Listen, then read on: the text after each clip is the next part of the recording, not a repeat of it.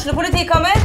Ine Jansen er purk. Er du purk? The motherfucking bitch. Alt jeg vil, er å finne ut hva som skjedde med mannen min. Jon Carew. Er jeg sikta for noe? Iben Akeli. Det er du. Ole So, Lars Berrum og Big Daddy Karsten. Hvem sin side er du på, egentlig? Anette Hoff, Tone Danielsen, Kommer du fra Afrika?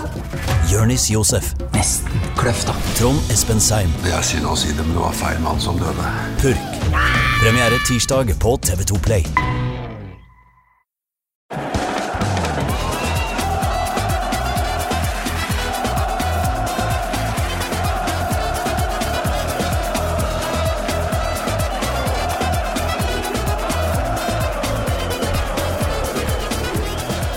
Som julekvelden på kjerringa er årets største dag her.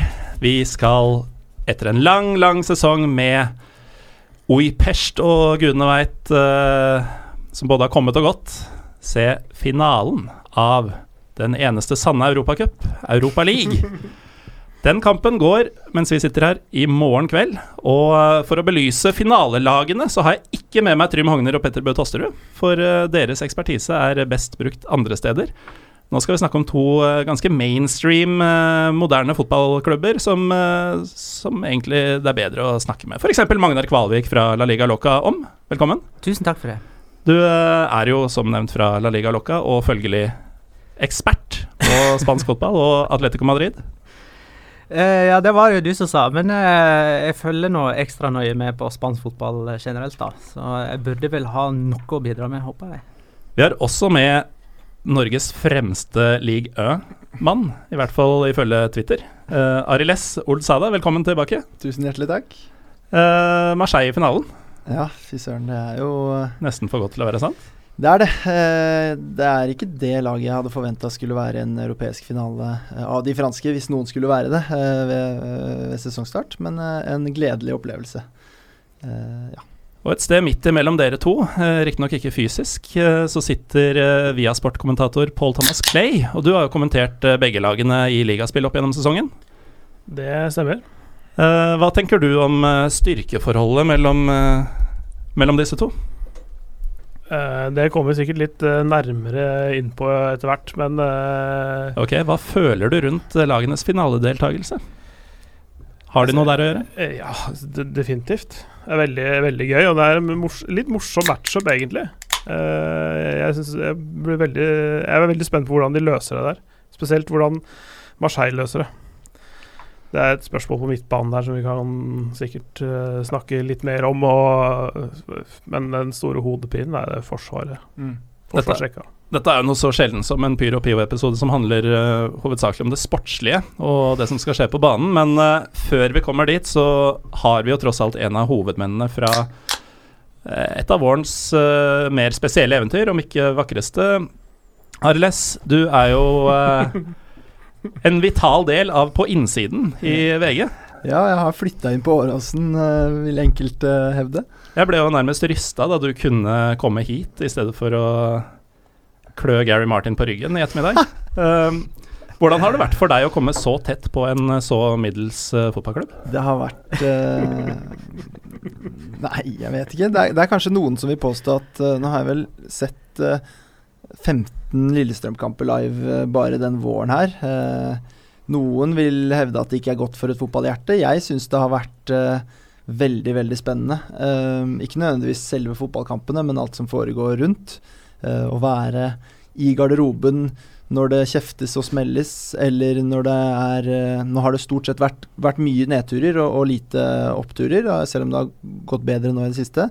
Vi har vært på styremøter eh, i, uh, i møter mellom sportsdirektør og spillere når, når betente temaer uh, har blitt tatt opp og sånn, og jeg syns det har vært utrolig spennende for min del. og så håper jeg at det har vært spennende for de som har sett på òg, fordi det helt unike med det her er jo at vi faktisk publiserer de tingene her med en gang det har skjedd. Uten at Lillestrøm godkjenner noe eller går gjennom noe. Det er, det er ikke noen, noen som helst form for sensur, bortsett fra det helt åpenbare.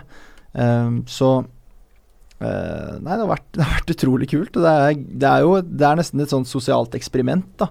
Fordi eh, det er ingen klubb heller som har vært gjennom det, det, det å, å på en måte gjøre noe, være i et møte, være i garderoben, og så kan du på en måte gå inn på VG og se det rett etterpå.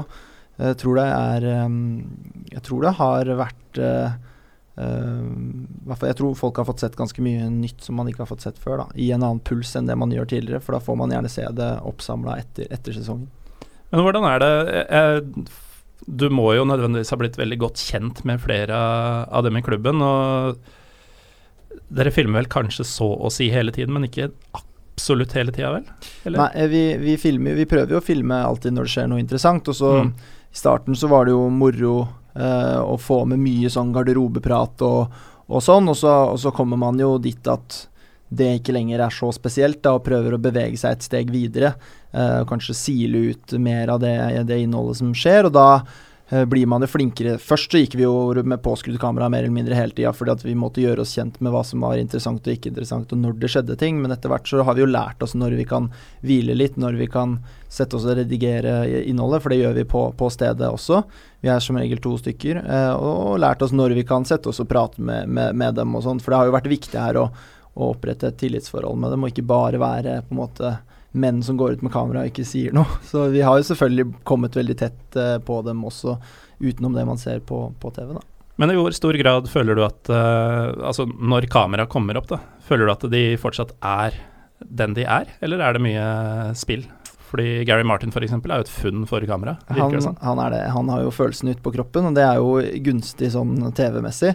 Um, de, jeg opplever at alle spillerne nå har kommet dit at de ikke lar seg prege av kamera. Dvs. Si hvis jeg kommer i garderoben og det er en diskusjon om noe sportslig, eller om uh, det kan til og med være om motspillere, eller om, om, om dommeren og sånt, så selv da så titter de bare bort på kamera, og så fortsetter de samtalen ganske naturlig. Uh, sånn var det ikke helt i starten. Da, da ble det mer oppstykka, så da var det vanskeligere å fange naturlige situasjoner. Uh, og så er det klart at uh, jeg tror jo at Arne Erlandsen i større grad enn resten der tilpasser uh, atferden etter om det er kamera der eller ikke. Fra Norges ferskeste blodfan av LSK, som du vel har blitt? jeg, hadde faktisk ikke noe norsk lag før, så det, er i hvert fall, er hvert fall en åpen plass der, så vi får se. Magnar, du har jo også et favorittlag i Norge, og det har du også, Pål Thomas. Men de er ikke fullt så relevante i disse dager som f.eks. Uh, finalelagene i årets Europaliga-finale er, så vi kan jo gå dit. Og jeg tenkte vi, vi kan jo starte med Marseille. Det er jo for min del, da, som, uh, som den årvåkne lytter vet at det bærer et aldri så lite nag til en viss uh, jeg holdt på å si rusbrusprodusent, en energidrikkprodusent i Østerrike. Så er Marseille den store helten som har slått ut begge disse klubbene fra kvart- og semifinale. Uh, og det er også litt uh, kult at en uh, klubb som egentlig for to år siden passa best inn i kaosklubb-kategorien vi har her i Pyro Pivo, nå ser ut til å ha fått skikk på hva de driver med. de får det jo til både i hjemlig liga og i Europa nå. Og er det et lite gufs fra 1992-93, RLS, utenom skandalene? Ja, det er kanskje det. Jeg syns det ligner mer på 2004. Eh, og da snakker jeg om eh, Uefa Cup-finalistene med Didier Drogba på laget, mm. som også var et sånt lag som kom litt sånn uventa opp og kom til finalen og da tapte mot spansk motstand i Valencia. Eh, men ja, altså du, sier, du nevnte jo noe fra kaosklubb til, til uh, Europaligafinale. Det er På kort tid? Regner jeg ut 576 dager siden uh, Frank McCourt, uh, tidligere baseballklubbeier i USA, kjøpte Olympique de Marseille Eh, og da var det en klubb som hadde svak spillertropp, ingen midler til å kjøpe Eller i hvert fall en eier som ikke ønsket å kjøpe spillere. Fullstendig sportslig kaos. Ingen kompetent trener, ikke noe ingen spillere som kom opp på akademiet. Rett og slett fullstendig en storklubb uten noe innhold. Da. Bare på en måte en vakker stadion og et, en, en stolt historie, men ikke så veldig mye mer enn det. Og så har uh, man gjort, syns jeg, veldig veldig mye riktig siden den gang. Det starta med å ansette Rudi Garcia uh, som trener. Uh, Andoni Zubizareta, tidligere spanske landslagskeeperen, som, som sportsdirektør. og um, og så har de truffet på signeringer. Da. De har jo, um, det ble vel eh, bestemt at de skulle bruke 200 millioner euro i løpet av de fire neste årene. Det har de bl.a. brukt på å hente Dimitri Payet som, og Luis Gustavo, som er de to, uh, sammen med Florian Tauvin, bærebjelkene i det laget her. De ble vel henta begge to i eller der du nevner, i, alle, i det første overgangsvinduet? I januar 2017? Jeg lurer Gustavo kom Gustav kom i sommer. Ja, ok. Men, men Paillet kom vel I januar. Mm. Uh, sammen med Evra, som ja, ikke er der lenger. Ja, men, men Evra, bare for å, for å, bare bruke han i den historien her om, om god Uh, god ledelse, da. Den, den, episoden hvor han uh, flykicka en uh, spiller som jo også er en del av denne europaligasesongen her, ble jo håndtert eksemplarisk, syns jeg, av Marseille, veldig raskt. Altså med en, med en suspensjon først, og så deretter en sparking, og så var på en måte den saken ute av verden. En sak som kunne prega hverdagen og resultatene til klubben mer enn det den gjorde. da. Så Det syns jeg var en ryddig måte å løse det på, som neppe hadde vært så ryddig tidligere da i Marseille, hvor det ofte har vært litt uh, ymse ledelse. Uh, Paul Thomas, denne McCourt, hva, hva slags fyr er det? Altså Han må jo ha en voldsom pondus som kan få skikk på det gjørmehølet som Marseille var. Det er, ikke, det, er ikke, egentlig han som har gjort det. Han har ansatt også en fransk direktør. Jeg husker ikke hva Jacques-Henri Hérault. Ja. Han var vel faktisk um, Disney Paris-sjef eller et eller annet sånt før han kom dit, uansett. Uh. Ja, altså, så det er jo det er hans forlengede arm. Han kan jo ikke fotball. Han, måten han tok over LA Dodgers på, var sånn moneyball uh, Altså, brukte bare statistikk og sånn for å kjøpe og selge og trade og sånne ting. Og det hadde ikke funka på samme måte, tror jeg, i Marseille. I hvert fall ikke de salgene, salgene og kjøpene som er gjort der, er ikke basert på utelukkende sånn statistikk. da. Uh, så, så, så, så, det er nok hans forlengede arm uh, som har gjort uh, det, for å si det sånn. da. Men han har jo da hatt Han satt, han satt riktige folk i riktige posisjoner. Det er jo da det som er nøkkelen for en eier. da, Ikke, ikke bestemme alt sjøl. Mm. Ikke sant? Og, og, um, ja, sportsdirektøren, administrerende direktør, og de igjen finner den treneren som de skal ha, og så jobber systematisk og riktig den veien. Da. Og så skjønne sine egne begrensninger.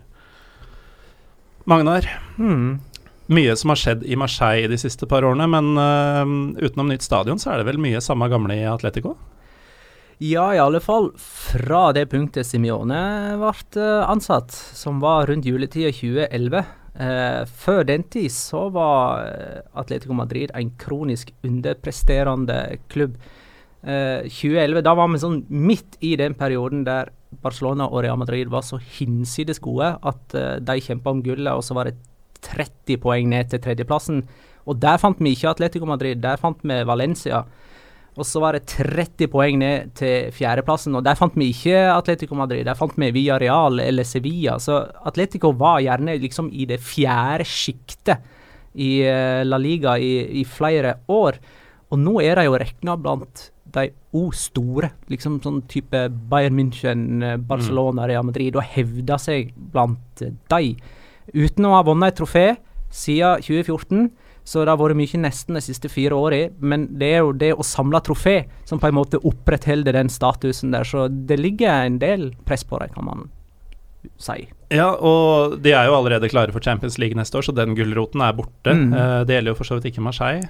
Uh, foreløpig. De klarte jo å drite seg ut, uh, selv om de leda 2-0 mot Gangan på, på fredag. Um, den kampen endte 2-2. 3-3. 3-3, unnskyld. Uh, og derfor, dermed så er det da så må de vinne i siste serierunde, og Monaco eller Lyon må tape. Eller det vil si, Lyon er vel sikkert Ja, det er i hvert fall De må ha hjelp. Del, de må ha hjelp, da. De må vinne og ha hjelp, så det er litt sånn um, uvisst om de klarer å ta en topp tre-plassering i ligaen. Men uh, til tross for at ikke denne ekstra gulrota som Uefa innførte for å fjerne dette B-stempelet på turneringa, uh, selv om den ikke gjelder for Atletico, så er det vel ingen grunn til å tro at de ikke er toppmotivert? De er toppmotivert. Å oh, ja, er du gal? Eh, altså, I Spania så eh, blir eh, det, Dette er et stort trofé, eh, mm. og Europaligaen blir rangert høyt. Eh, så deilig å høre. Ja, men altså når jeg følger spansk fotball, så er det på en måte det er så innmari fremmed fra engelsk. F.eks. når man hører liksom holdninger før de siste serierundene i England at lag gjerne vil unngå det å ta den siste europaligaplassen der for å liksom unngå belastningen det medfører neste sesong. Sånn er det ikke i Spania, det må ingen tro. Eh, nå sparka Sevilla Montella eh, fire runder før slutt fordi at de lå utafor europaligaplass. Det var jo mannen som var med som styrte laget eh, til seier på Old Trafford, f.eks. Mm. Og Joaquin Caparros kom inn med ett mål for øynene, og det var sikra europaligaplass for dem. Og da er det feiring, når, når den er i boks. Ja, for det er litt sånn i den uh, såkalt moderne fotballen så virker det jo mer som det handler om Spesielt de nasjonale cupene eh, blir liksom en parentes, virker det som, i forhold til det å treffe en tredjeplass eller en fjerdeplass, uh, avhengig av hvilket land du er i. Og da er det så godt å se at det ikke stemmer. Nå husker jeg ikke Les Herbier, var det det, som spilte cupfinale i Frankrike nylig. Hvordan de bare fargela hele stadion og Paris by i forkant, og hvor mye det faktisk betydde for meritterte PSG uh, å klå dem, selv om det var uh, litt for halv maskin. Mm. Og du, du, ser det i Marseille òg nå. Det er en sånn voldsom uh, mobilisering i byen da, mm. som, som, kanskje aldri er så ekstrem, eller ikke er så ekstrem noen andre steder enn i Marseille. Da. Du ser den derre Det handler om en klubb som, som har europeiske tradisjoner knytta til både Uefa-cupen og Champions League, selvfølgelig, som de var det første laget til å vinne etter at turneringen ble ny. Så det, det betyr jo ekstremt mye, og den mobiliseringa der handler jo ikke om Uh, den handler jo ikke om en plass i Champions League neste sesong eller, en, eller penger eller noe som helst. Det handler jo kun om trofeet, altså mm. denne finalen. Så det er på en måte dette er klimakset. Klimakset kommer ikke etter eh, finalen. Da. Du satt jo her for et år siden, Pål Thomas, og da snakka vi om Ajax i forkant av finalen. Mm. Uh, og det er jo en trend vi ser nå, da, at gamle storheter som du tidligere ville regna delvis med, i hvert fall i Champions League-sammenheng, nå uh, tar seg langt i denne turneringa. Og på, på, den måten så føler jeg litt at du får eh, den type europacupkamper og finaler som jeg er oppvokst med. Uh, Nostalgicup. Ja, ja, men det blir jo litt det. At det fortsatt er mulig for et lag som Ajax og Marseille å ta seg til en europeisk finale og vinne en europeisk tittel. Ja, øh, absolutt. Det er jo Jeg tror det der med at europaligastatus er lav i England, jeg tror det er mest det. Og så er den ganske så, så tror jeg ikke de andre landene tenker så veldig mye over at det er veldig mye dårligere enn Champions League-finalen, for, for, å si det sånn. da Champions League som turnering. Jeg kan ikke huske at folk lo av Uefa-cupen f.eks. da den fantes. Nei, det er merkelig eh, å se tilbake på, for cupvinnercupen òg hadde ganske høy status. Mm. Så på et tidspunkt så var det tre europeiske cuper som alle, alle ble rangert ganske høyt. Mm. Eh, og da tror jeg det var liksom Europacupen øverst, serievinnercupen om du vil, og så cupvinnercupen og Uefa-cupen i den rekkefølgen, sånn som jeg husker det. Men det er mulig det var annerledes. Ja, muligens i form av at det faktisk var mestere som var med i de to førstnevnte. Ja, ikke sant. Det er jo det å, ha vunnet, å komme inn i Europacupen med et trofé fra uh, heimelige turneringer. Mm. Det, det økte nok prestisjen der, tenker jeg. Men uh, nå er det jo Nå blir, blir det veldig mye Marseille nå i starten, Magnar. Du skal få snakke mye mer om uh, Atletico etter hvert. Enlighten me, som jeg sier. Men siden vi snakka litt om mobiliseringa fra Marseilles side uh, hvor mye betyr det for dem at dette skjer på Park OL oh, det, i Lyon? Det betyr, jo, det betyr jo ekstremt mye. Eh, ikke bare fordi det er i Frankrike, selvfølgelig, men fordi eh, det er Lyon som eh, egentlig har vokst frem til å bli den store rivalen til Marseille.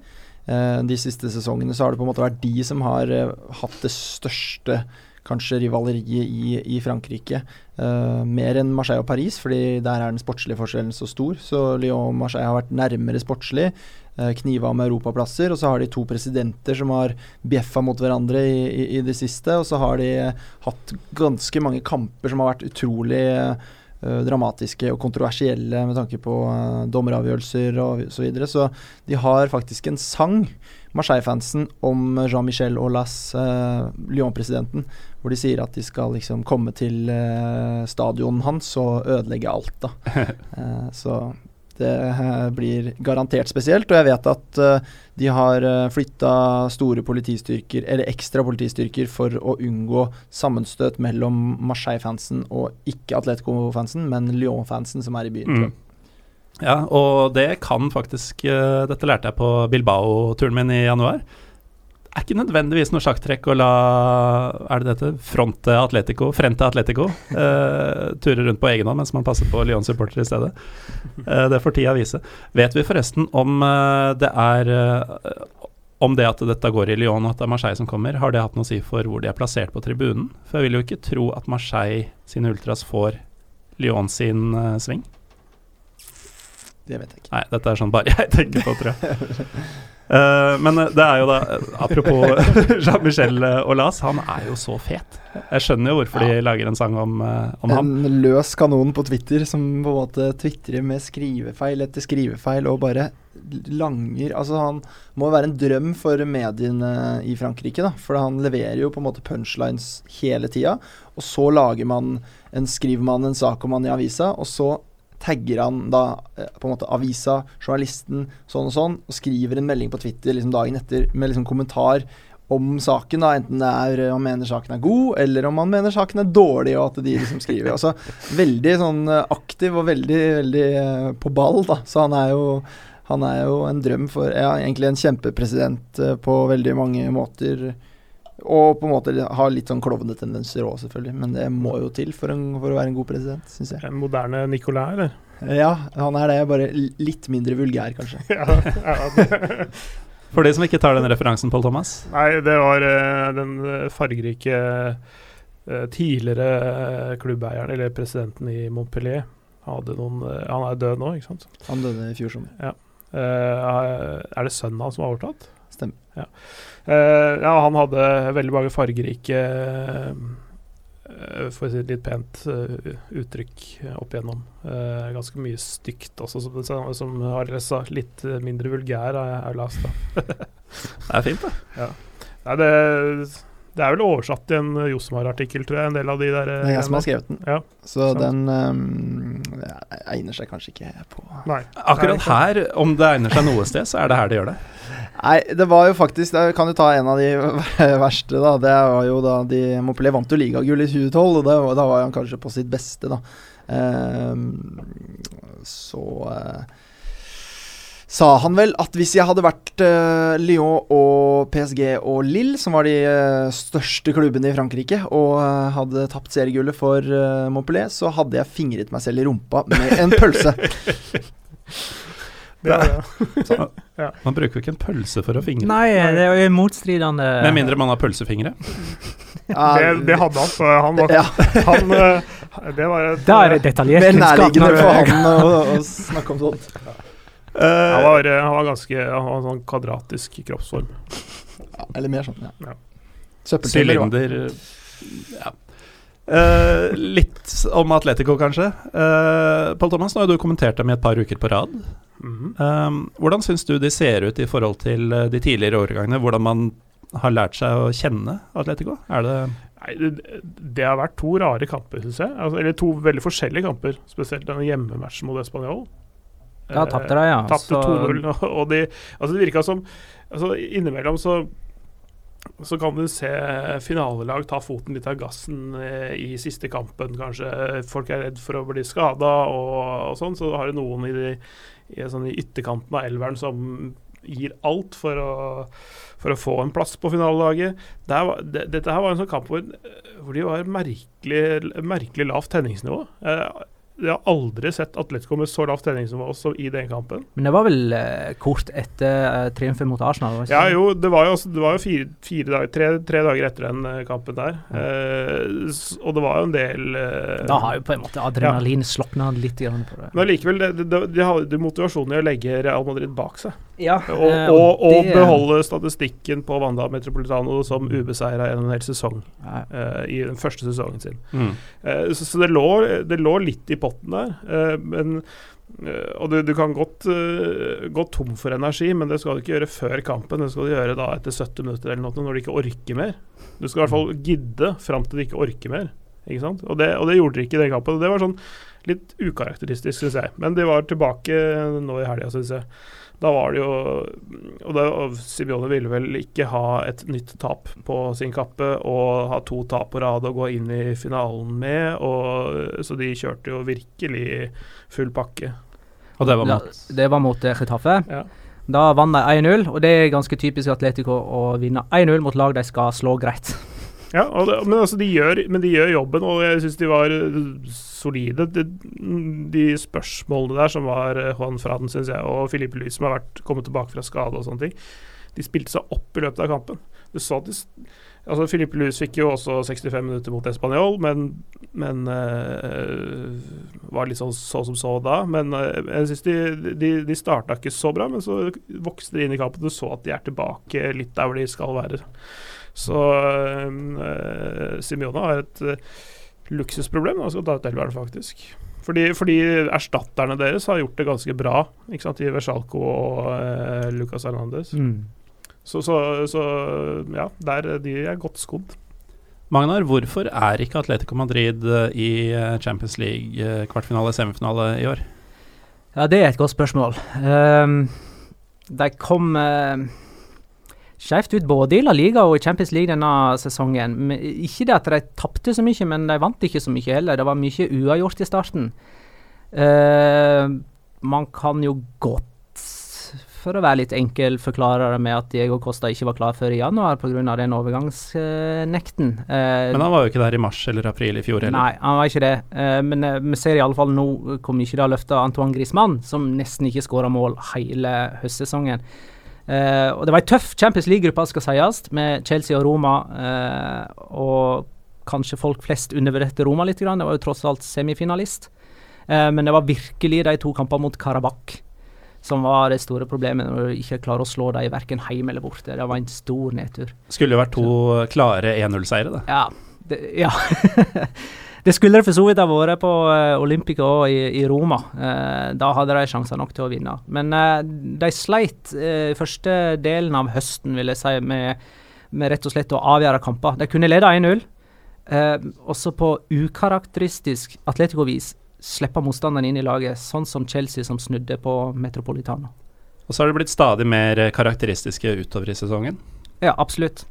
Eh, og når Diego Costa er tilbake, så er det jo 2014 all over again. Ja. Eh, så, og da har òg Antoine Griezmann eh, løfta seg. Altså, han, han skåra fem mål på høstsesongen, og så kom Diego Costa inn, og nå har han skåra 14 i, på det, vårsesongen. Så da er han oppe i 19 i La Liga. Det er ganske stor forskjell. Uh, Ariles og Paul Thomas, dere følger jo begge ligaene tett til veldig tett. Um, mm. Hvor stor tenker dere klasseforskjellen er i utgangspunktet mellom uh, Atletico og Marseille? Du har jo uh, et av de absolutte topplagene i den beste ligaen i Europa mot tredje- eller fjerdedivisjon i en liga litt lenger ned kvalitetsmessig. Ja, det, klasseforskjellen skal jo være veldig stor. Det er jo ingen av de Uh, spillerne uh, på Marseille, bortsett fra Luis Gustavo, vel, som har noe vesentlig Eller Rami vant vel Europaligaen med, med Sevilla, men, men, men Rolando det, med Porto. Ja, det begynner å bli en stund siden. Hvem sa du nå? Rolando. Rolando er, uh, han spiller jo for så vidt kanskje ikke finalen pga. en skade, da. Mm. Men, men når du ser på hvilke spillere der som har gjort eller vunnet noe i Europa, eller har en sånn herre Eh, kommet langt i Europa eller spilt mange kamper på dette nivået, så er det forsvinnende få i forhold til det du har i Atletico, da, hvor egentlig hele gjengen og attpåtil sammen har vært med på veldig mange sånne kamper før. Uh, to Champions League-finaler uh, og, og, slått ut en haug av, av, av storlag i, i, Champions League. Så klasseforskjellen skal være veldig stor, også fordi det her er på en måte et mer sånn nysnekra lag, mens Atletico er ekstremt etablert. Altså de skal jo ha det aller meste til å unngå et uh, bananskall her, men det er liksom noen sånne Det er noen deler av Marseille som er på Atletico-nivå. Jeg syns uh, Florian Tauvin kunne gått inn og, og, og spilt på Atletico.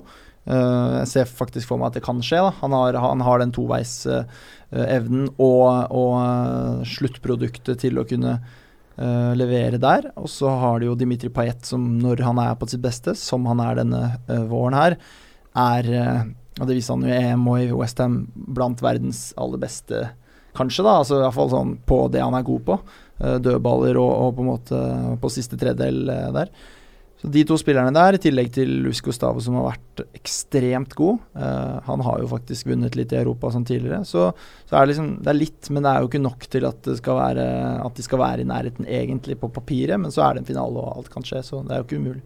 Så det er Tauvin som skal ta over etter Grismannen, altså?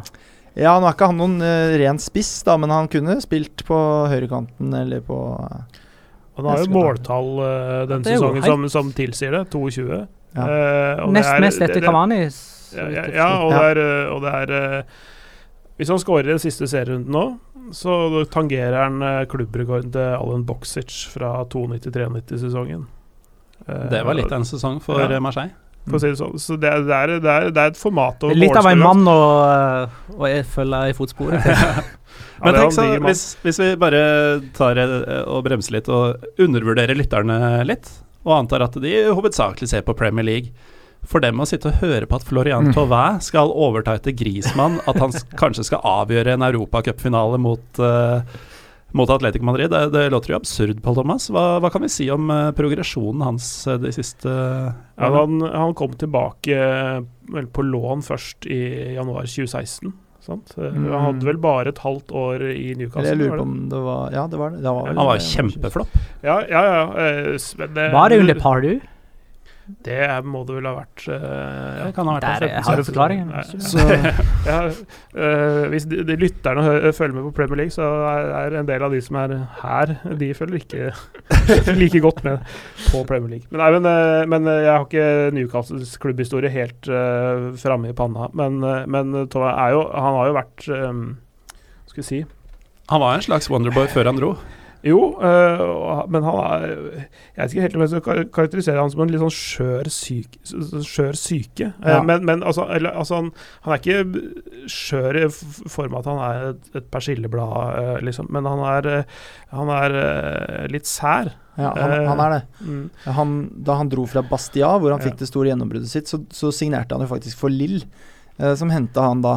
Men så, og det var i januar, og da lånte de han tilbake til Bastia. Uh, og så skulle han uh, bli Lill-spiller på sommeren i 2013 Nei, 20, ja, 2013, 2013 vel. Ja.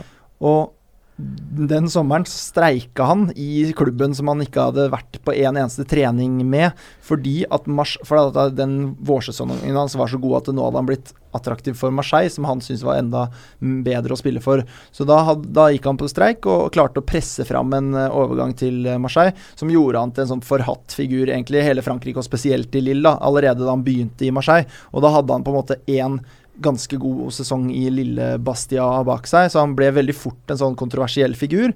Uh, og, og, hadde jo åpenbart noen problemer, noen sånn umodne trekk, da, uh, i, uh, som det viste når han da streika og, og så videre. og så var han jo talentfull og gjorde det bra. Altså, man fikk jo aldri det store gjennombruddet i Marseille på den perioden før han dro til Newcastle. Men han, så ble han henta av Newcastle, og der klarte han rett og slett ikke å passe inn. og Nei, En sånn fyr som han tror jeg ikke var mentalt skrudd sammen for å bo i, i Nord-England. Altså. Uh, han Nei. Uh, no, noen er bare ikke det. Uh, hvis, hvis, noen husker Runar Nordmann i, i, Lillestrøm, en harstadværing som ble veldig altså, Han var ikke moden for noe som helst? Nei, altså, men, altså, men hvis, hvis, for å dra parallell da, med den, med den Bastia-historien det, det, er noen som får altså, som gjør det bra i mindre klubber, og så, og så vokser egoet deres. De tror på hypen som blir, som blir skapt rundt dem. Og så blir, så, blir, eh, så blir, de mer myten om seg sjøl enn en, uh, faktisk det der å levere på banen. Godt beskrevet, det. altså. Hmm, liker den. Er han korsikaner, Tove? Jeg tror ikke det. Nei, jeg tror jeg er født i Orléans. Ja, ja, eh, stemmer, ja. stemmer faktisk. Så, så han blir enda fetere. Ja, men, men da, har du, da har du på en måte etter at han kom tilbake til Marseille, så var det jo veldig, egentlig veldig mange som fraråda han å gjøre det. Fordi Marseille er på en måte Når det går dårlig i Marseille, så er det det verste i hele verden. Og når det går bra, så er det det beste i hele verden. Men det er i hvert fall utrolig tøft å komme tilbake til Marseille når du har mislykkes der én gang. Mm. Uh, men der viser han jo at han har vokst som, som eh, person og som, som, spiller og alt mulig. Da, og bygd en karakter. Fordi uh, den, den nedturen i Newcastle tror jeg fikk han til å til å modnes. Og så har han levert Han leverte en kjempebra forrige sesong, og så har han levert en helt vanvittig sesong denne i år. Jeg tror vel det er Bayern München og Atletico Madrid som er de to klubbene som på en måte har blitt nevnt hyppigst, da. Med mindre han skulle finne på å bli i Marseille, da. Det hadde jo vært det beste, selvfølgelig. Uh, Ta, gå, sånn, eh, gå opp fotsporen til eh, ikke sant? ta en tur innom Galatasaray først. Ja. uh, men vi må jo snakke litt om selve kampen. Først og fremst, er det noen spillere vi ikke kommer til å få se? eh, noen som må stå over for Atleticos eh, del? Atletico har med seg 20 mann til Lyon, og de har bare 19 mann i hele A-stallen sin, så, der de er klare? De er klare. Eh, og eh, Nå nevnte jo Paul Thomas eh, Filipe Louise, som jo brakk foten i går og var klar igjen i dag. Altså, jeg mener, han Hans brakk- comeback er jo helt vilt. Eh, Ja, han han, brakk den i, februar, Ja. midten av februar, og så spilte det var jo sånn at VM var i fare sånn umiddelbart, og nå er han tilbake. Brakk i leggbeinet, altså. Er det i det hele tatt fysisk mulig? Nei, Ja, jeg vet ikke hvordan det der kan ha skjedd. Men, eh, Det spørs jo hvor, hvordan bruddet var, da. Det kan eh, ja. Vi har, snakka mye Grismann, vi har snakka Costa. Usual suspect, som de sier på norsk. Uh, hvem er det folk som ikke følger Atletico og spansk fotball så tett, uh, må følge litt ekstra med på i finalen? Det, det, det- er jo kjente navn alle sammen, da. Jeg, jeg mener det, de, de, det er mye usual suspects der. Eh, de stiller vel med Savic ved siden av Godin, eller? Jeg er litt i tvil. Det kan være Jimenez ja. altså. Ja. Eh, Ja, for det er, eh, det, det er eh, Begge de to stopperne er, syns jeg, er fantastiske. Eh, litt ujevne, men, eh, Men nå kan jo, det, nå kan jo folk ha sett dem mot eh, Arsenal, f.eks., i over to kamper. Og måten Thomas Partey løste det dobbeltoppgjøret, var ganske imponerende. For han måtte jo steppe inn som høyre back da, fra sentral midtbane da Versalje K klarte å pådra seg to gule kort i løpet av de første ti minuttene. Og den gjorde jo det forbilledlig. Ja, jeg, jeg syns kanskje han har er kanskje Gjennom de årene jeg har fulgt de tettere, da, i og med at vi fikk eh, noen rettigheter derfra for eh, et par år tilbake. Partei, Ja, tenker vi på. ja. Eh, han er kanskje den som har eh, altså, vokst mest, og som har tatt de største stegene i løpet av den perioden. Ja, fordi, er fordi han starta som en innbytter som man bare ble brukt på høyrekant, omtrent. Mm. Og så Eh, og var jo utlånt i en periode, uh, Mm. og har på en måte vokst seg inn som en Atletico-spiller. Altså Mm. sånn derre taklingssterk, eh, utrøttelig type som eh, kan springe i det uendelige og likevel ha ballkontroll når eh, det trengs. Litt sånn som Kåker, selv om det er forskjellige typer. så så Det er liksom den der evige arbeidsjernet med ferdigheter som liksom aldri ser ut til å gå trøtt. Ja, oversikt, mister, mister ballen sjelden, gjør riktige valg, sånne ting. Ikke sant? Og Sånn. kan skåre fra 22 meter, liksom. Eh, er Partey nå på det nivået at han regnes som førsteelver? Jeg ville eh, Hvis jeg skulle sette opp en elver i dag, så hadde jeg satt han inn på Mm. eh, sentral midtbane. Mm. På Thomas, enig? Ja. De har jo også rullert eh, litt, grann, eh, altså sånn at ikke eh, Gabi starter alle kampene. Og han spilte eksempel, 90 liksom. minutter på, i helgen mot uh, Ja. ja. Så, så, så, så det er, han er der at han nå blir sett som likeverdig i forhold til Kåke, Saul og, og Gabi, i, altså av de tre som er de Mm. mest faste. Da, Ja, jeg ville ha sagt at de tre er de sikreste til morgendagen, men Mm. uh, det får nå tiden vise. Men uh, stoppersituasjonen, har jeg forstått det riktig hvis uh, jeg sier at Stefan Savic har danka ut Jimenez fra elveren?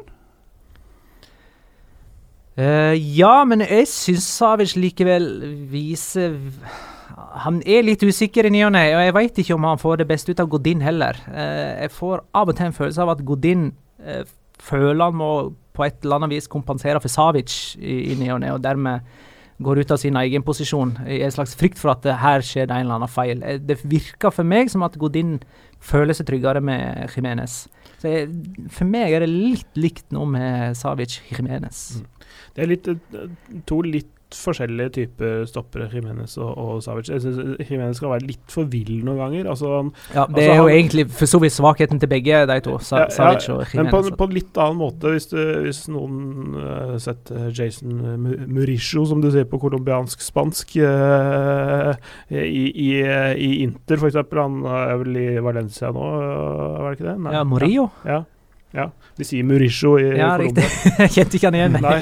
Nei, men uh, uh, uh, litt den typen, altså, så- så- altså som stuper inn og som er litt, kanskje litt ukritisk velger å gå for en ball noen ganger. Mm. Altså, og det er sånn Der syns jeg Savic kanskje er kanskje litt mer tilbakeholden, Mm.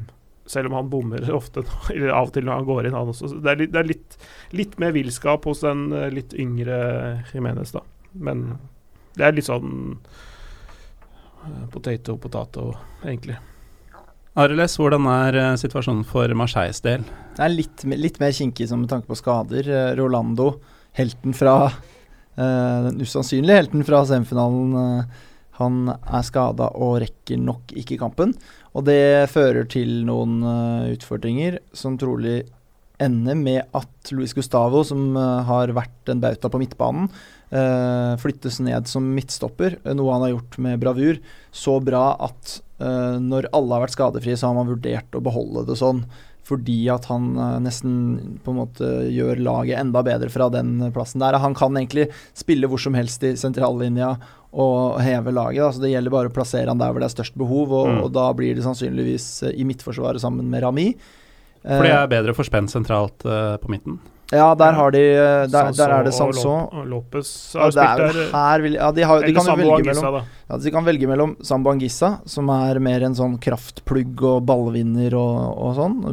Så har de Maxim Lopez, som er Han er lokal, er han ikke? liten lokal. Uh, og det er få av de som slår gjennom i Marseille, for det er eh, tror det er så stort press at det er nesten umulig å slå gjennom som lokal eh, Marseille-gutt. Så det Han skal farge håret blått hvis de vinner, har han sagt. ja, så kudos til, til han. En fantastisk spiller. Men så spørs det om, om man på en måte tør å stole på en sped unggutt istedenfor en sånn mer solid fysisk type, som er litt tryggere defensivt.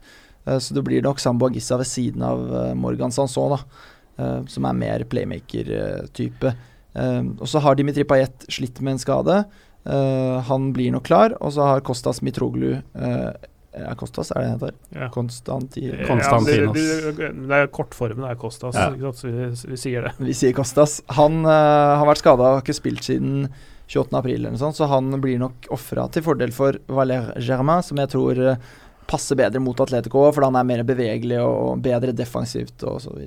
Det er en blessing in disguise, tror jeg. Uh. Mitroglo har ofte falt gjennom på det nivået. Ja, sånn, han er en sånn uh, mystisk uh, spiss som på en måte Han uttaler seg veldig sjelden til pressen.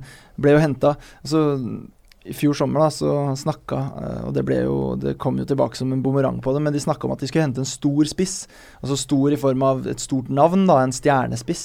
Eh, og så lette de eh, hele sommeren et, og på en måte det var snakka om Edin Djeko, og det var liksom ikke måte på hvem som skulle kunne komme. da, Så endte de opp med Kostas Mitroglu, eh, som da fikk denne, dette presset på seg, og, og leverte jo på ingen måte, i hvert fall på høsten. Og så har det kommet seg litt etter hvert, men Valère Germain er jo på en måte har, har kanskje flere strenger å spille på. da. Mm. Mitroglou er avhengig av at han blir fora med innlegg, og, og at spillet er Eller at Marseille dominerer spillet. da. Ser ikke Valère Germain ut som verdens snilleste mann? Jo, han gjør det. Han, er, han ser så snill ut. Han og Montolivo i Milan. det, er to, det er to sånne du syns Går rett inn i Downton Abbey. Ja, og de syns synd på dem når de taper og sånn. Altså, sånn derre- bare pga. utseendet. Det er sånne valpeøyne og sånn derre Mellomrom mellom tenna, så han har sånn smil som er veldig sånn avvæpnende. Veldig, veldig flott, eh, flott gutt. Men- Eller mann. Er Adil Rami eh, den samme karakteren nå som han var i Sevilla og Valencia, eller har Fortsatt blitt sammen med Pamela Anderson og Ja, ja. Nei, for eh, den store Den duellen å følge med på må jo bli Diego Costa, Adil Rami. Oh, ja. Altså eh, VM i tjuvtriks? Ja, ikke sant? Altså, det er ikke spillere som rangerer liksom det estetiske og moralske ved fotball særlig høyt. Eh, hvis de i det hele tatt ikke kjenner sånne ord. Er jo han øh, løy så det rant av han på den der mediedagen som de hadde i går eller foregårs, hvor han sa det at øh, Diego Costa er en fyr som gir mye smeller og er, bruker litt skitne triks og sånne ting. Men, så jeg skal prøve å holde meg unna det. så, så, så I hvert fall sånn som du har oversatt. Jeg, jeg, det, det, det der Men, tror jeg ikke et eh, sekund på. Diego Costa er jo en sånn type I den grad han analyserer motstandere, så er det for å finne den minst sympatiske av dem, og så gå på han i 90 minutter. Det kommer til å være Ja, det kan, det, akkurat den der er faktisk en duell jeg gleder meg til, uh, jeg også. ass. Den Bra. eh, kan bli fin. Rami har jo tatt eh, Han har jo faktisk um, tatt eh, den rollen som forsvarssjefen i Marseille utrolig bra denne sesongen her, syns jeg. Han har jo vært eh, veldig, veldig bra. En skikkelig eh, knallhard tøffing som, eh, som jo også kjemper Det det er interessant, da, for øvrig, at Frankrike valgte å utsette offentliggjøringen av VM-troppen sin fra, 15, fra i dag til 17. mai fordi de ikke ville eh, forstyrre oppladningen til Marseille til denne kampen. Og, tror jeg, fordi eh, Deschamps er nødt til å gjøre noen valg, og de eh, fleste av de valgene involverer faktisk Marseille-spillere. Fordi Adil Rami eh, Nå, nå skada jo Korsiellen i seg i, eh, Mm. i semifinalen mot Atletico. Det betyr at Frankrike må ha inn en, en fjerde stopper. Og da står det mellom Adil Rami, Kurt Zuma og eh, Merik Laporte.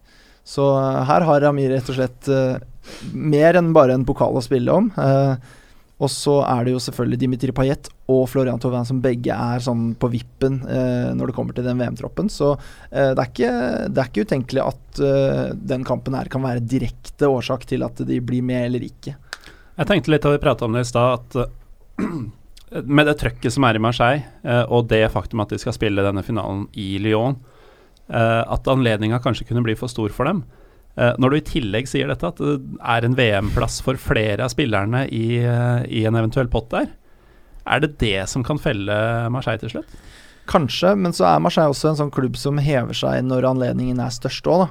Når du får den galskapen, sånn som du så mot eh, Leipzig når de lå under etter den første kampen og spilte på hjemmebane. Og Marseille-fansen, og spesielt når de spiller på velodrom, da, men nå er de jo fortsatt i Frankrike, har den evnen til å bare løfte laget eh, rent bare altså, Rett og slett en tolvtemann. De bare gjør alle spillerne bedre. Og, og det har på en måte blitt et uttrykk, da, den stemninga på velodrom, at det, det gjør rett og slett laget bedre. Da, og det, det syns jeg jo man ser. Ja, det har vært bra i år, altså. Det er, den, den Leipzig-kampen er noe av det villeste jeg har sett Mm. av tribuneopplegg. Mm. Og fotball. Ja, og fotball. 5-2 der, og Hiroki Sakai som avgjør fra midtbanen. Av fordi- alle, altså. Det, det, jeg, jeg, jeg har litt sansen for han. For han altså sånn der, Hvem er Hiroki Sakai? Han kommer av tysk fotball. Jeg husker ikke hvilken klubb i farten, jeg, men eh, om det var Frankfurt. Tror du det var Frankfurt? Ja. Jeg tror det. Uh, en sånn hent, Han var vel henta for to somre siden, ble det vel? Ja. ja. Uh, han var 26, er 28 nå eller noe. Det er sånn, det er sånn er sånn skuldertrekksignering, signering, ikke sant? Sånn som en japaner fra tysk fotball. og hva faen skal vi med det, liksom? Eh, men han, jeg synes han eh, han var ikke, han var ikke sånn veldig overbevisende fra start av, men, men jeg synes han har vært sånn stabil og Mm. god, og liksom sånn derre eh, Ja, bra trøkken, altså. Jeg, lik, jeg liker han godt. Han er liksom en god miks av både defensive og, og offensive bidrag. Han har en sånn japansk disiplin, eh, veldig godt posisjonert, gjør veldig sjelden feil. Og er ekstremt høflig, visstnok. Jeg leste en artikkel i Likip at han er på en måte eh, utrolig skjønn. Utrolig og har enorm velvilje. Da, har lært seg fransk ekstremt kjapt. eh, og da han skårte det målet, så var det på en måte Alle ville at han skulle få skåre det målet. Da. Alle unna han det målet fordi at han, han har på en måte lagt ned så mye arbeid og vært så um, gjennom Bare rett og slett en, en god person da, eh, i, i klubben. Så um, han er eh, Artig det der uh, klippet som var på sosiale medier fra garderoben, der uh, Marseille-spillerne driver og feirer på en måte han, da, Ja. uh, for den skåringen. Og han smiler og er glad, men så trekker han seg på en sånn rolig stille tilbake. Det er sånn der Sånn. japansk beskjedenhet. Jeg er ikke i front her, altså. Ja, det er, eh, han er veldig, veldig sånn men altså, er veld, mye, mye, mye ved han som er japansk, men han er litt sånn ujapansk fysikk. For han er Mm. sånn ganske høy og, og sånn breiskuldra også, egentlig. Så, så til verden være høyrebekk så er han sånn litt sånn, litt sånn atypisk sånn uh, Ja, skal si, rent fysisk, da. Men uh, en fin fyr, altså. Absolutt. Og så har du en uh, hvis vi snakker om bekker i Marseille, så må vi jo snakke litt om Mamavi på motsatt uh, bekk der. Ja, det er jo så, litt sånn sånn, Tove- ja, sånn eksempel apropos for ikke engelsk. få det til i England og Mm. Aston Villa og sånne ting.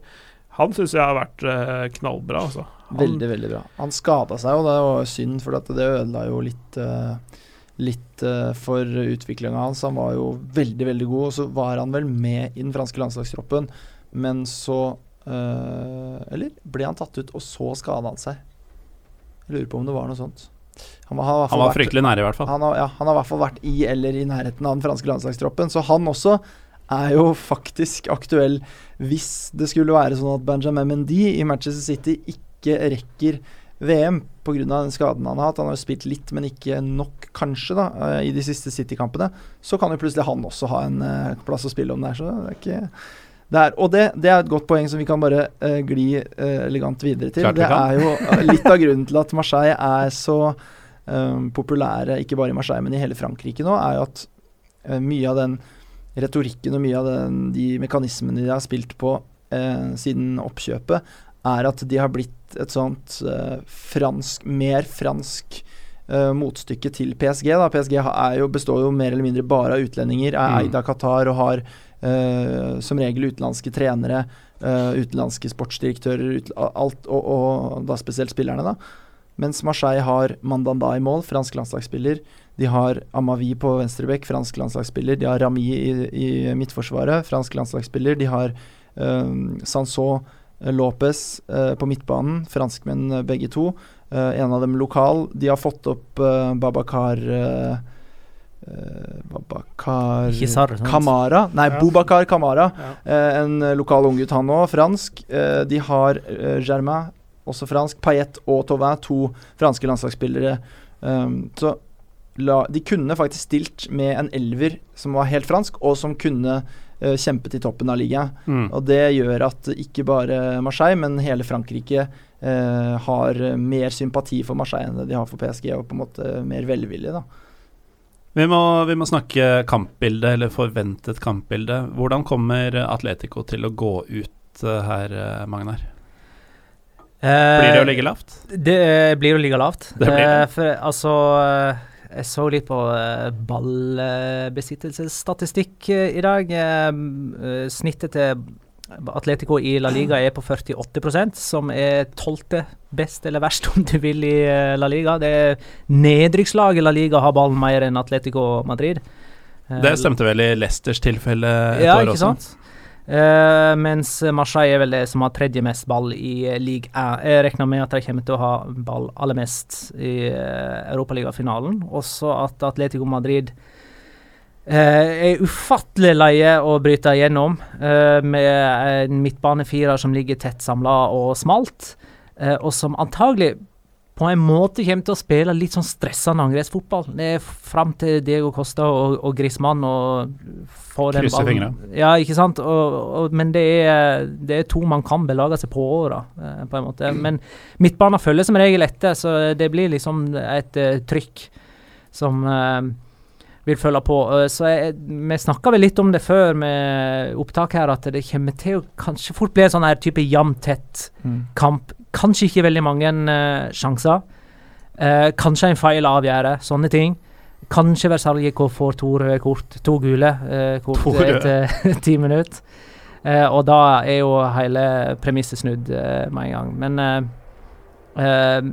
Atletico kommer til å framstå sånn som vi har sett dem de siste seks årene. det er, det er noen sånne enkle Ikke enkle, men noen sånne nøkkelmomenter for Marseille. Og det er jo De kommer til å ha ballen, og så handler det om å ikke stå for høyt. Uh, være for, fortsatt litt forsiktige selv om de har ballen. da Det blir at- fristende mot Atletico. Ja, ikke sant. Men det er den derre Du må virkelig ikke falle i den fella der. Det er jo den fella mange faller i mot Atletico, er jo på en måte å etablere seg for høyt. Og der tror jeg Marseille må være litt uh, forsiktige. Uh, kanskje til og med prøve å gi litt av initiativet over til Atletico.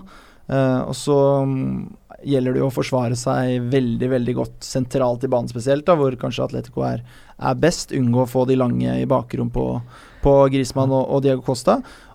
Og så tror jeg de er helt Altså, det, det etablerte spillet til Marseille er ikke godt nok til å bryte Altså sånn egentlig ikke godt nok til å bryte ned Atletico hvis de har en god dag. Da handler det om enten én mann, Dimitri Payet, som kan, kan gjøre noe eh, helt på egen hånd hvis han på en måte treffer eh, riktig. Eh, eller så er det dødballer. Og jeg så litt på de dødballtallene, fordi Atletico Madrid er jo Uh, har jo egentlig vært kjent som et ekstremt godt dødballag de siste årene.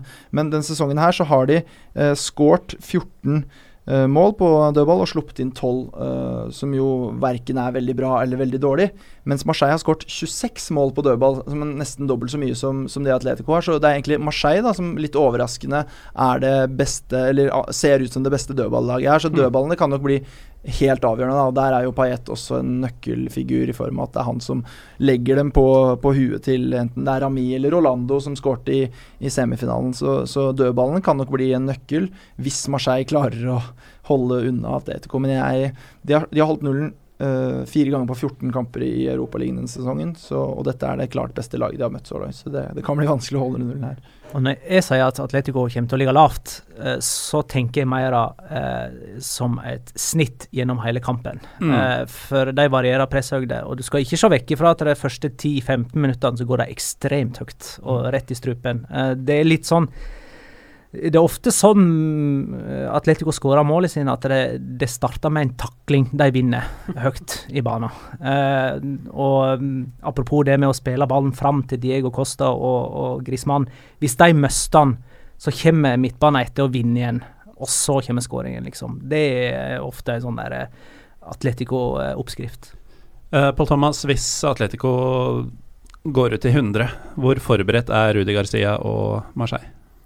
Jeg tror nok eh, Rudi Garcia er uh, forberedt oppi huet sitt. Spørsmålet er hvor, han har fått uh, hvor godt han har fått, fått, fått det formidla til spillerne sine, og hvor, hvor, hvor godt de har tatt det inn. da. Uh, men Rudi Garcia er en, en bra mann.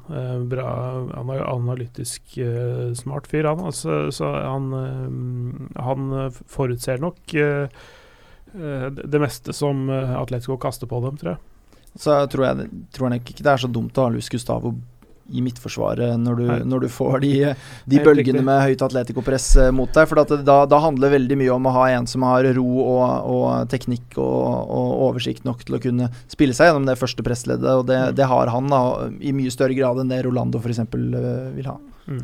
Også, også, som vi nevnte, de to, for de spiller en 4-2-3-1, og de to dypt på midten der, at Sambo og Gisse er en av de to. Fordi han kan bli viktig i den derre Den eh, Det er ikke knokkelkamp, men det blir noen ganske tøffe dueller på midten der, tror jeg. Mm. så at i den, i hvert fall i de første 60-70 minuttene så vil han være et bedre valg enn eh, Maxim Lopez akkurat i den, den derfor det er forskjell på en spiller som nesten er 1,90 og har masse muskler, og en som er 1,65 eller 68 eller et eller annet sånt, og som er, eh, er best med ballen under seg. Ikke sant?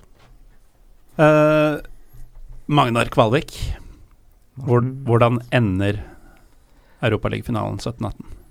Ehm, åh, nå har vi jo tippa Vi har tippa resultat i La Liga Loca, men der er gjerne min tipping litt sånn opportunistisk. Eh, jeg vil tippe noe annet enn det Petter og Jonas uh, tippa. Så sånn nå kan du få tippe hva du vil. Så nå kan jeg tippe hva jeg vil. Eh, jeg tror det blir ekstraomganger. Jeg har en eh, en 1-1-følelse.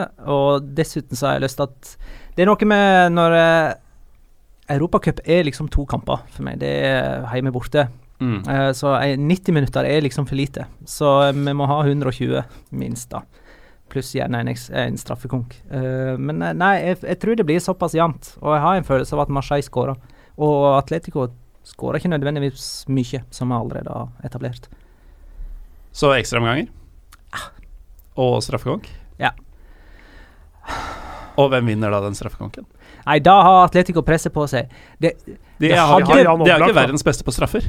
De er ikke verdens beste på straffe. Oblak er bra, men Ja, nå redder han straffe mot Retaffe.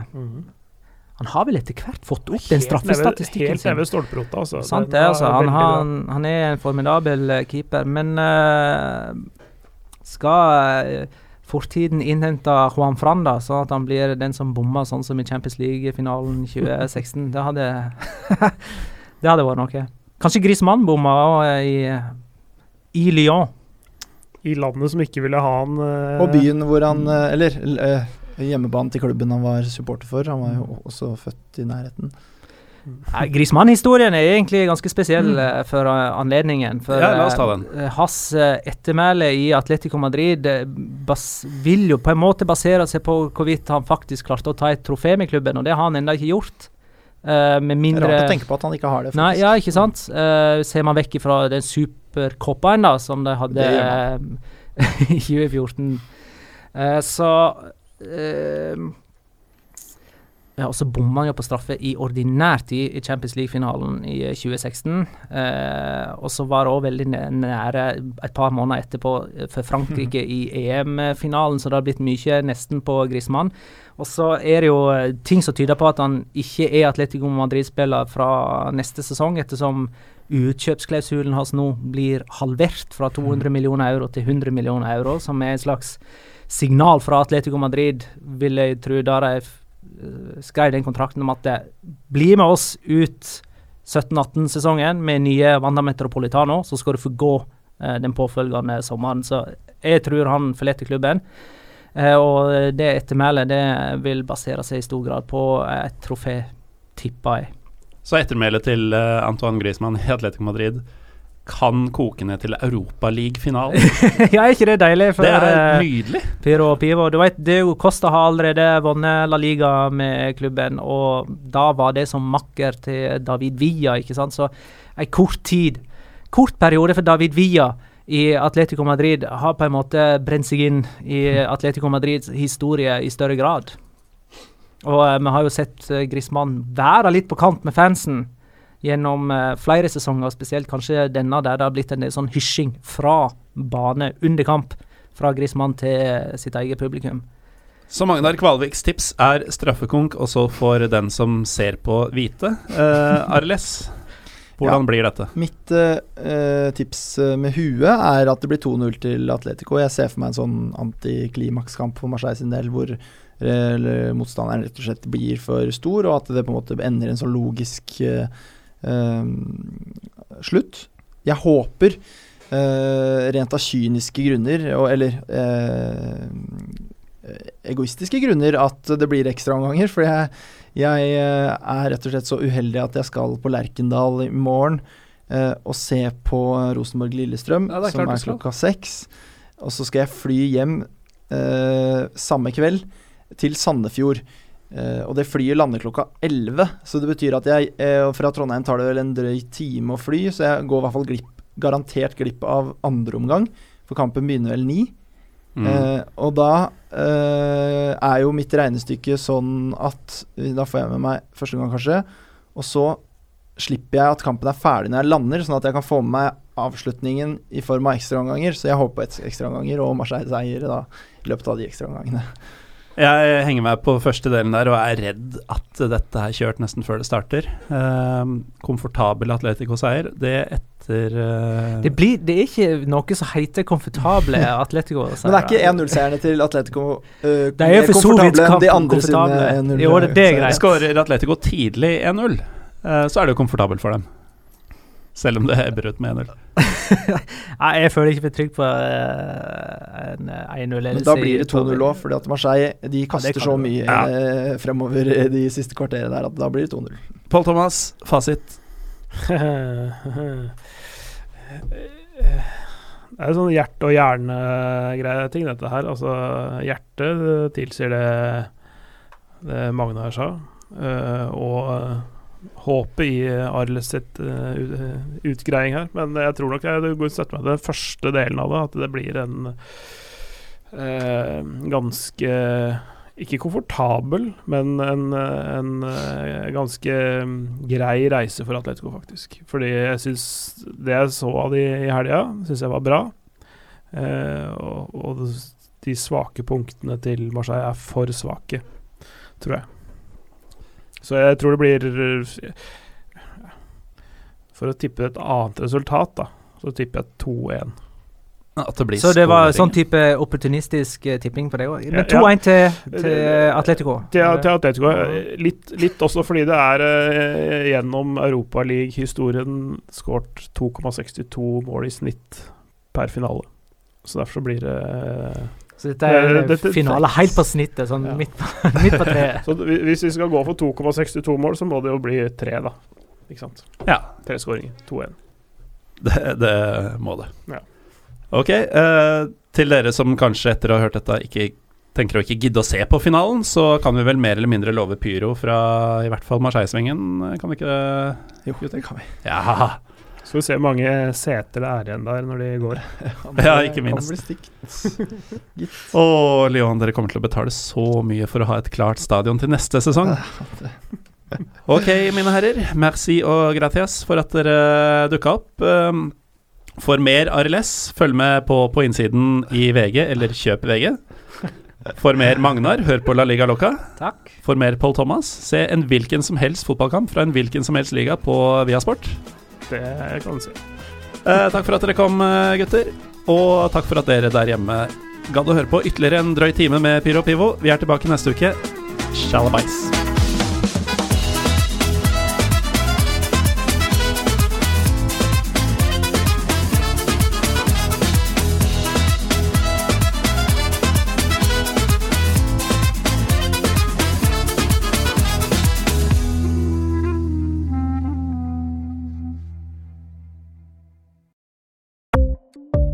Ukens annonsør er HelloFresh.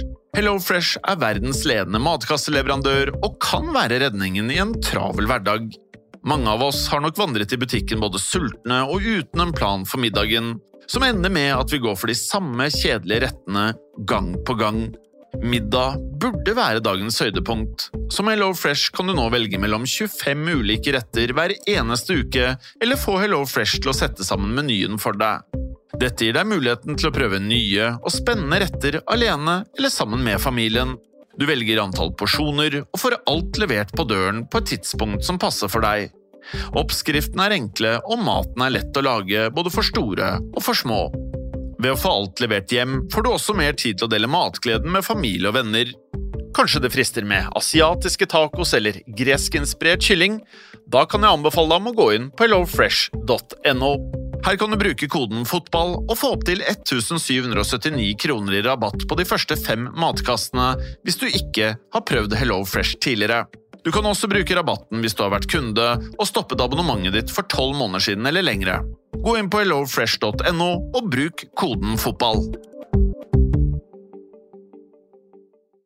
Har du et enkeltpersonforetak eller en liten bedrift?